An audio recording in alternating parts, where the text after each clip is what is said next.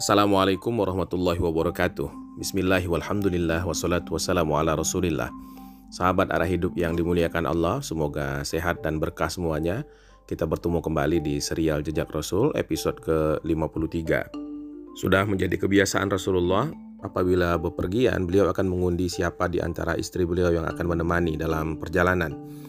Pada saat ekspedisi Bani Mustalik ini Nabi ditemani oleh Aisyah dan Ummu Salamah dalam perjalanan pulang, saat matahari mulai tenggelam, rombongan beristirahat selama 2-3 hari setelah menempuh perjalanan yang sangat melelahkan itu.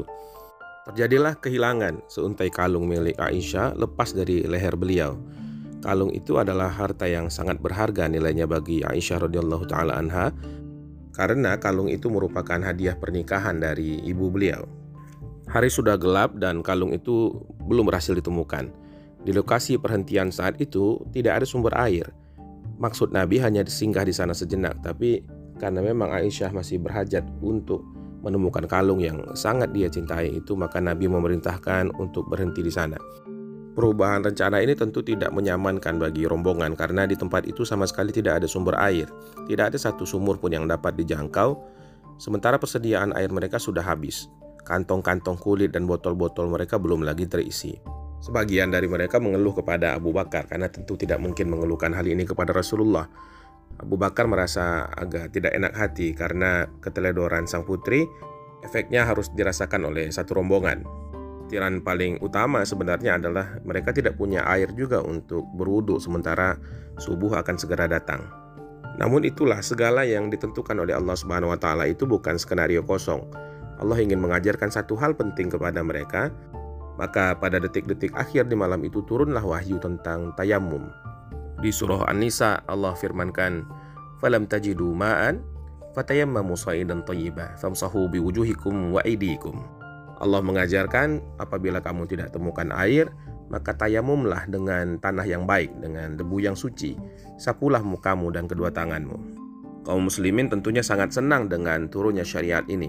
Bahkan Usaid bin Hudair mengatakan, ini bukanlah keberuntungan pertama yang engkau bawakan kepada kami, wahai keluarga Abu Bakar. Maksudnya, banyak sekali ayat-ayat yang berkaitan dengan keluarga Abu Bakar yang pada akhirnya hukum-hukum yang diturunkan oleh Allah itu sangat memudahkan bagi kehidupan manusia. Islam memang sebuah agama yang solutif yang punya banyak alternatif dalam melaksanakan ketaatan kepada Allah Subhanahu wa taala. Kondisi kekurangan air tentu sering dialami oleh orang-orang eh, yang bersafar, apalagi di daerah seperti gurun Arab sana. Dan syariat tayamum adalah bukti kasih sayang Allah dan kemudahan dari sisinya. Orang-orang yang tadinya merasa kesal karena hilangnya kalung Aisyah radhiyallahu taala sekarang malah bersyukur bahwa kejadian itu ada sehingga menjadi penyebab turunnya wahyu tentang tayamum ini. Hari sudah siang, tapi kalung juga masih belum ditemukan. Rombongan sudah bersiap-siap untuk berangkat kembali tanpa kalung itu, sudah hilang harapan untuk menemukannya kembali. Tapi tiba-tiba ketika unta Sayyidah Aisyah bangkit dari tempatnya berlutut, kalung itu ada di bawah unta tersebut. Maka perjalanan pun diteruskan dengan hati yang lebih senang tentunya. Sampailah di satu pemberhentian lain lagi. Ini adalah rest area yang sangat cocok untuk ditempati karena berposisi di sebuah lembah dengan hamparan pasir yang luas. Dua tenda untuk Nabi dan istri beliau dipancangkan, satu untuk Sayyidah Aisyah dan satunya untuk Sayyidah Ummu Salamah. Namun qadarullah saat Aisyah radhiyallahu anha keluar dari tenda untuk satu keperluan, kalung beliau jatuh lagi dan beliau masih belum sadar akan hal ini sampai kemudian rombongan sudah akan berangkat. Para istri Rasulullah SAW, para ummahatul mukminin apabila berangkat bersama Nabi, mereka akan masuk ke dalam sebuah haudah semacam kabin tertutup kain yang dinaikkan ke atas unta. Aisyah masih menyempatkan diri untuk keluar mencari kalungnya tadi, sementara Haudah terlanjur diangkat ke atas unta oleh para sahabat yang mengiringi.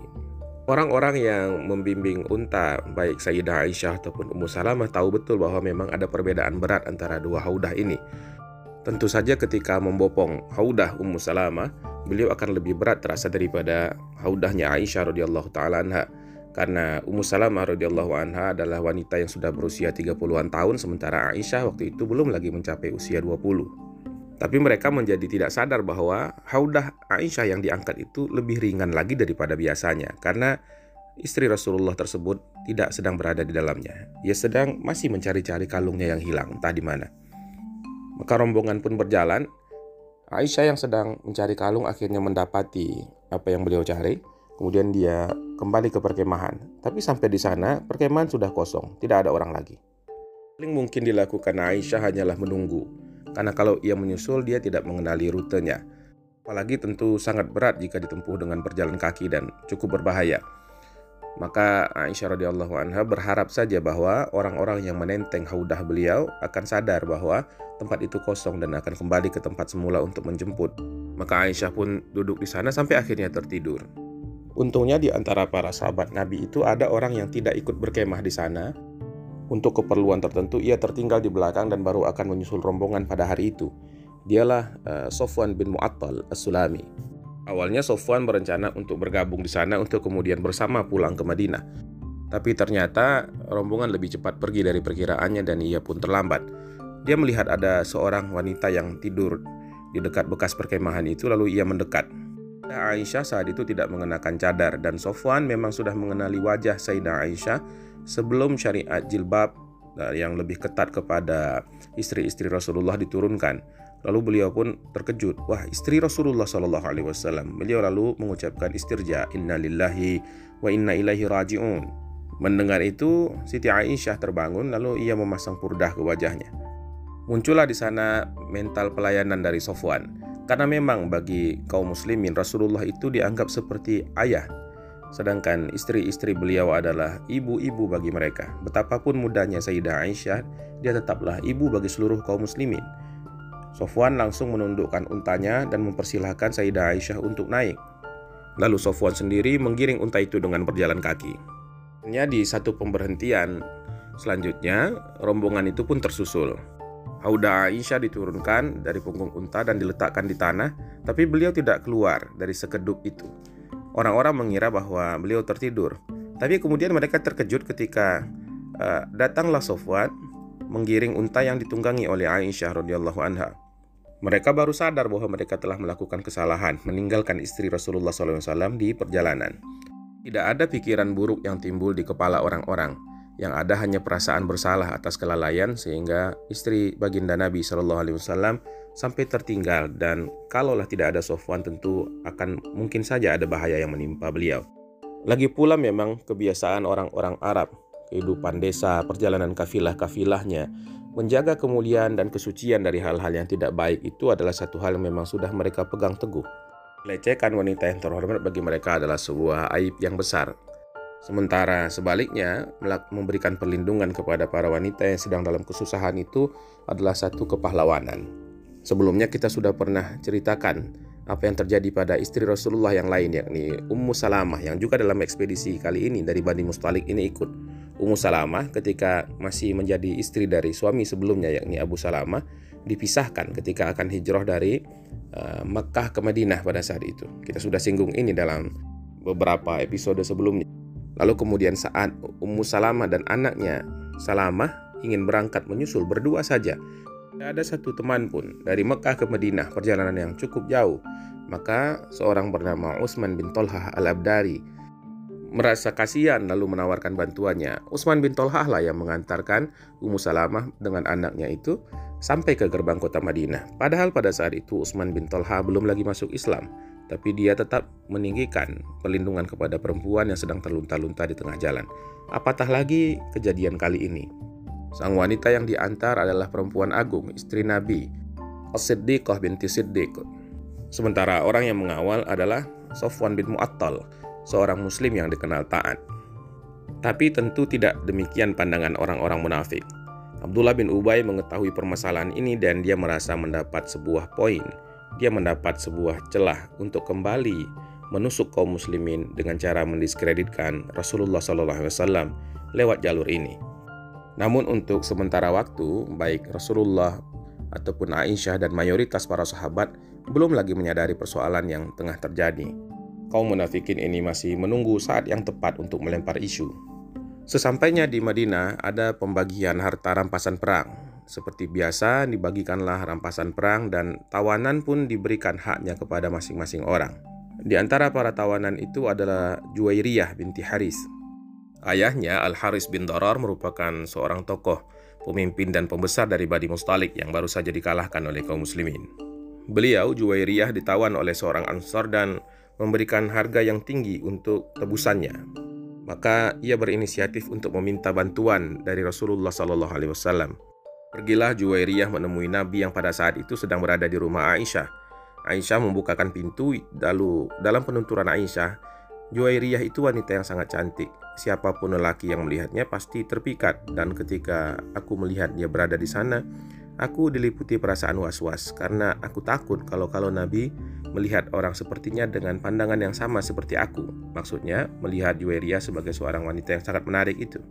Juwairiyah berkata, "Ya Rasulullah, aku adalah Juwairiyah, putri Haris, pemimpin kaumnya. Engkau benar-benar tahu musibah yang sudah menimpa saya ini." dan aku datang kemari untuk memohon bantuan mengenai pembebasanku ini. Nabi kemudian mengatakan, apa kau menginginkan yang lebih baik daripada itu? Ditanya oleh Juwairiyah, apa yang lebih baik? Lalu dijawab oleh Rasulullah SAW, aku akan menebus pembebasanmu dan menikahi engkau. Juwairiyah menerima tawaran Nabi itu dengan senang hati. Namun belum lagi pernikahan dilangsungkan, ayah beliau yakni Al-Haris bin Dorar datang membawa beberapa ekor unta untuk menebusnya jumlah unta itu tidak seperti yang semula ditawarkan kepada Nabi. Jadi dia menawarkan satu jumlah tertentu, hanya dia mengurangi dari bagian itu. Ketika sedang membawa unta-unta tebusan itu, Al Haris uh, baru menyadari bahwa dua di antara unta yang dia bawa sangat cantik. Itu terjadi uh, ketika dia berada di lembah Aki. Maka dua unta yang paling bagus itu pun disimpan oleh Haris di sana. Dia pisahkan dari rombongan, dia sembunyikan di salah satu jalan di lembah itu dan tidak dibawa serta dengan unta lainnya. Sampainya di Madinah dia menghadap kepada Rasulullah dan mengatakan, "Hai Muhammad, engkau telah menawan putriku. Inilah tebusan yang aku, aku bawa untuk mengambilnya kembali." Nabi kemudian tersenyum dan berkata, "Tapi mana dua unta yang engkau sembunyikan di lembah Akik?" Haris demikian terkejut. Lalu Nabi menambah keterangan beliau dengan menjelaskan secara detail tempat di mana kedua unta itu disembunyikan oleh Al-Haris. Haris bin Dorar pun kemudian tergoncang jiwanya. Dia menyadari bahwa ini tentu adalah sebuah mukjizat. Orang ini tentu bukan orang sembarangan dan bisa jadi kenabiannya ini adalah sesuatu yang memang harus diterimanya. Mungkin sudah saatnya pula ia membuka hati kepada Islam. Maka Haris pun berketetapan, dia bersyahadat. Syahadu an la ilaha illallah wa syahadu anna Muhammad Rasulullah. Dua anaknya kemudian ikut masuk Islam bersamanya. Ia juga mengirim orang untuk mengambil kedua unta yang tadi dia sembunyikan untuk diserahkan kepada Nabi. Kemudian dia juga menyetujui perkawinan Juwairiyah dengan Rasulullah Shallallahu Alaihi Wasallam. Juwairiyah sendiri tentu ikut masuk ke dalam Islam. Dia sekarang menjadi seorang muslimah. Bahkan lebih dari itu, dia segera menjadi salah seorang dari ummahatul mukminin. Pernikahan-pernikahan Rasulullah SAW itu punya misi-misi sosial juga. Di antaranya adalah memperluas jejaring kekerabatan sehingga semakin banyak koalisi orang-orang Islam. Ketika diketahui bahwa Bani Mustalik kini sudah resmi menjadi kerabat Nabi dikarenakan pernikahan Nabi dengan Juwairiyah radhiyallahu anha, maka orang Muhajirin dan orang Ansor mulai membebaskan para tawanan yang belum ditebus kepada mereka. Ada sekitar 100 keluarga yang dibebaskan. Maka Aisyah berkata tentang ini, "Aku tidak pernah melihat seorang wanita yang begitu membawa berkah yang sangat besar kepada kaumnya dibanding Juwairiyah dari Bani Mustalik. Sahabat arah hidup yang dimuliakan Allah, tidak lama setelah kembali ke Madinah, karena kelelahan, Sayyidah Aisyah jatuh sakit. Pada saat itulah fitnah yang diembuskan orang-orang munafik tentang dirinya dan Sofwan sudah mulai menjadi bahan perbincangan di seluruh penjuru kota. Memang sedikit orang yang menganggap serius berita itu, namun di antara mereka ada yang terlibat dalam eh, cerita-cerita uh, gosip ini. Di antaranya adalah Mistah bin Usasah. Padahal Mistah merupakan saudara dari Aisyah. Beliau masih terhitung paman karena ibunya adalah bibi dari Abu Bakar. Dan bahkan Mistah adalah orang yang termasuk awal-awal dulu masuk Islam di Madinah bersama kedua orang tuanya. Tapi toh kesalahan memang bisa dilakukan oleh siapa saja. Entah bagaimana, isu itu begitu merebak di Madinah tapi Aisyah sendiri tidak menyadarinya. Dia tidak tahu apa yang terjadi karena dia juga sedang berada di rumah dan dalam keadaan sakit. Yang ia rasakan adalah hanya sikap Nabi agak lebih dingin kepada beliau. Misalnya ketika Nabi datang ke kamarnya dan melihat keadaan beliau pada saat Aisyah sedang dirawat oleh uh, seorang muslimah. Nabi bertanya, "Bagaimana kabar kalian hari ini?" Uh, Nabi tidak langsung menyebut nama istrinya tersebut secara khusus. Tentu Aisyah merasa sedih, tapi ia terlalu gengsi untuk mengeluh. Maka ia minta izin kepada Rasulullah SAW untuk pergi ke rumah orang tuanya. Dia ingin dirawat oleh ibunya, begitu kata Aisyah. Nabi pun memberi izin. Kira-kira 20 hari lamanya Aisyah dirawat oleh ibu beliau sampai kemudian sembuh. Ummu Ruman merawat anaknya itu dengan penuh kasih sayang, tapi juga merasa masyghul karena Ummu Ruman sendiri sudah mendengar berita-berita yang tidak baik itu. Aisyah baru kemudian mendengar kabar itu setelah uh, disinggung oleh Mistah bin Usasa. Pada saat itu kemudian emosinya meledak dan dia menangis tidak henti-hentinya di hadapan sang ibu. Umur Ruman meskipun juga sedih tentunya dengan berita ini tetap berusaha menenangkan putrinya tersebut. Para istri Rasulullah SAW ada perasaan saling cemburu juga satu dengan yang lain. Ini adalah hal yang manusiawi. Tapi sebesar apa pun kecemburuan mereka, semua istri Rasulullah SAW adalah wanita-wanita pilihan. Mereka adalah orang-orang yang taat, orang-orang dengan kepribadian lebih daripada wanita-wanita muslimah lainnya. Pada saat hadisul ifki atau kisatul ifki atau berita bohong ini menyebar, tidak satu orang pun dari istri-istri Rasulullah SAW yang menyinggung hal ini yang mempercayainya, apatah lagi ikut menyebarkannya. Mereka semua menahan diri dan bahkan menjadi pembela-pembela bagi Aisyah radhiyallahu taala anha. Di antara keluarga yang dekat dengan Nabi yang turut serta dalam uh, perguliran isu ini adalah Hamnah binti Jahash, saudara perempuan dari Sayyidah Zainab. Ia mengira dengan mendiskreditkan Aisyah itu akan berefek baik kepada Zainab karena dia mengetahui di antara istri-istri yang paling disayangi oleh Rasulullah SAW selain Aisyah adalah Zainab. Tapi dia tidak mengetahui bahwa hubungan di antara para ummahatul mukminin itu tidak demikian halnya. Di antara orang lain lagi yang juga aktif dalam penyebaran berita gosip ini adalah penyair Hasan bin Sabit.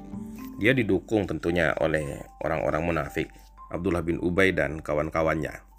Nabi tentu merasa sangat sedih. Beliau berharap mendapatkan wahyu, namun tidak ada wahyu yang turun. Beliau tidak hanya bertanya kepada para istrinya perihal eh, bagaimana pendapat mereka tentang isu itu, tapi juga dengan orang-orang yang dekat dengan Aisyah. Misalnya beliau bertanya kepada Usamah bin Zaid yang relatif seusia dengan Aisyah. Dia berbicara dengan tegas kepada Nabi, "Ya Rasulullah, itu pasti semuanya dusta. Kita sangat mengetahui kejujuran Aisyah."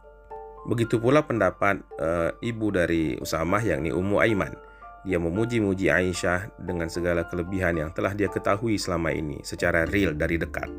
Nabi kemudian menemui Ali bin Abi Thalib, lalu Ali berkata, Allah tidak membatasi engkau ya Rasulullah dan masih banyak wanita lain. Ali menyarankan agar lebih objektif dalam melihat masalah ini dengan cara menanyakan kepada pembantu dari Aisyah. Dia akan menceritakan yang sebenarnya wahai Nabi. Karena itu Nabi kemudian memanggil pembantunya dan bertanya, "Wahai Burairah," nama pembantunya ini adalah Burairah. "Pernahkah engkau melihat sesuatu yang membuatmu curiga pada Aisyah? Adakah gelagatnya yang membuat kita bisa tidak percaya?"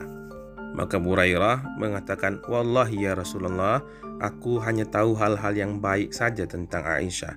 Kalau terdapat yang lain, tentu Allah dan Rasulnya yang lebih tahu. Aku menemukan Aisyah bersalah hanya satu kali, itu pun hanya kesalahan sepele yang biasa dilakukan seorang gadis muda. Pada saat itu, aku membuat adonan roti dan aku meminta untuk mengawasinya, tapi dia malah tertidur dan domba piaraannya datang memakannya. Maka aku marah karena hal itu. Tiap orang tentu punya kesalahan dan kekurangan dan nampaknya kesalahan Sayyidah Aisyah selama hidupnya adalah kesalahan-kesalahan kecil dan keteledoran-keteledoran biasa bagi manusia, seperti halnya ketika ia menghilangkan kalungnya sampai dua kali itu. Maka kemudian Nabi pun pergi ke masjid. Beliau naik ke mimbar, beliau memuji Allah Subhanahu wa taala lalu menyampaikan di depan publik, eh, "Wahai kaum muslimin, siapa yang akan membalaskan kepada seseorang yang menyakiti keluargaku ini? Demi Allah, aku tidak mengetahui dari keluargaku itu kecuali kebaikan. Aku tahu betul reputasi keluargaku." Kira-kira Nabi berkata begitu. Eh, mereka menyebutnya dan melibatkannya dengan seseorang yang aku pun tahu bahwa orang itu adalah orang yang sangat baik. Tidak ada orang yang berani masuk ke rumahku, ke tempat keluargaku kecuali seizinku dan bersamaku, kata Nabi.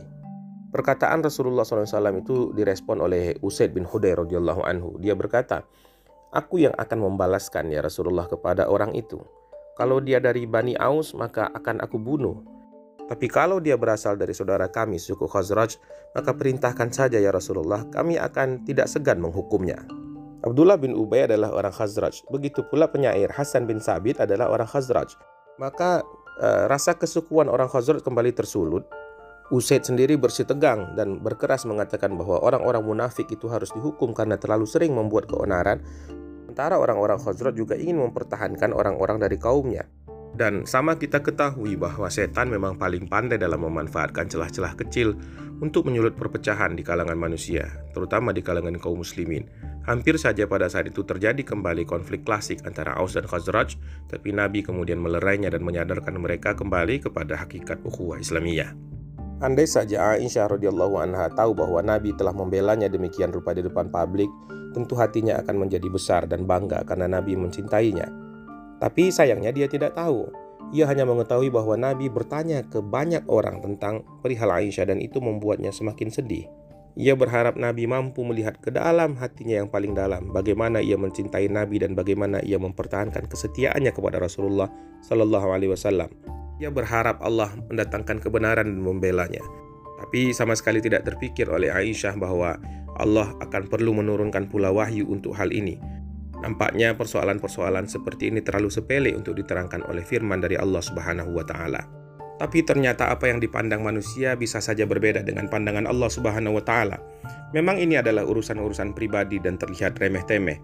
Tapi apa-apa saja yang berkaitan dengan nabinya, dengan kehormatan nabinya, dengan kesikohan, keyakinan para kaum muslimin kepada rasulnya dan keluarganya, bagaimana orang-orang harus tetap menjaga kepercayaannya, meyakini kebersihan Nabi serta para keluarga para ahlul bait di pandangan Allah adalah satu hal yang besar sehingga kemudian Allah turunkanlah wahyu di surah An-Nur.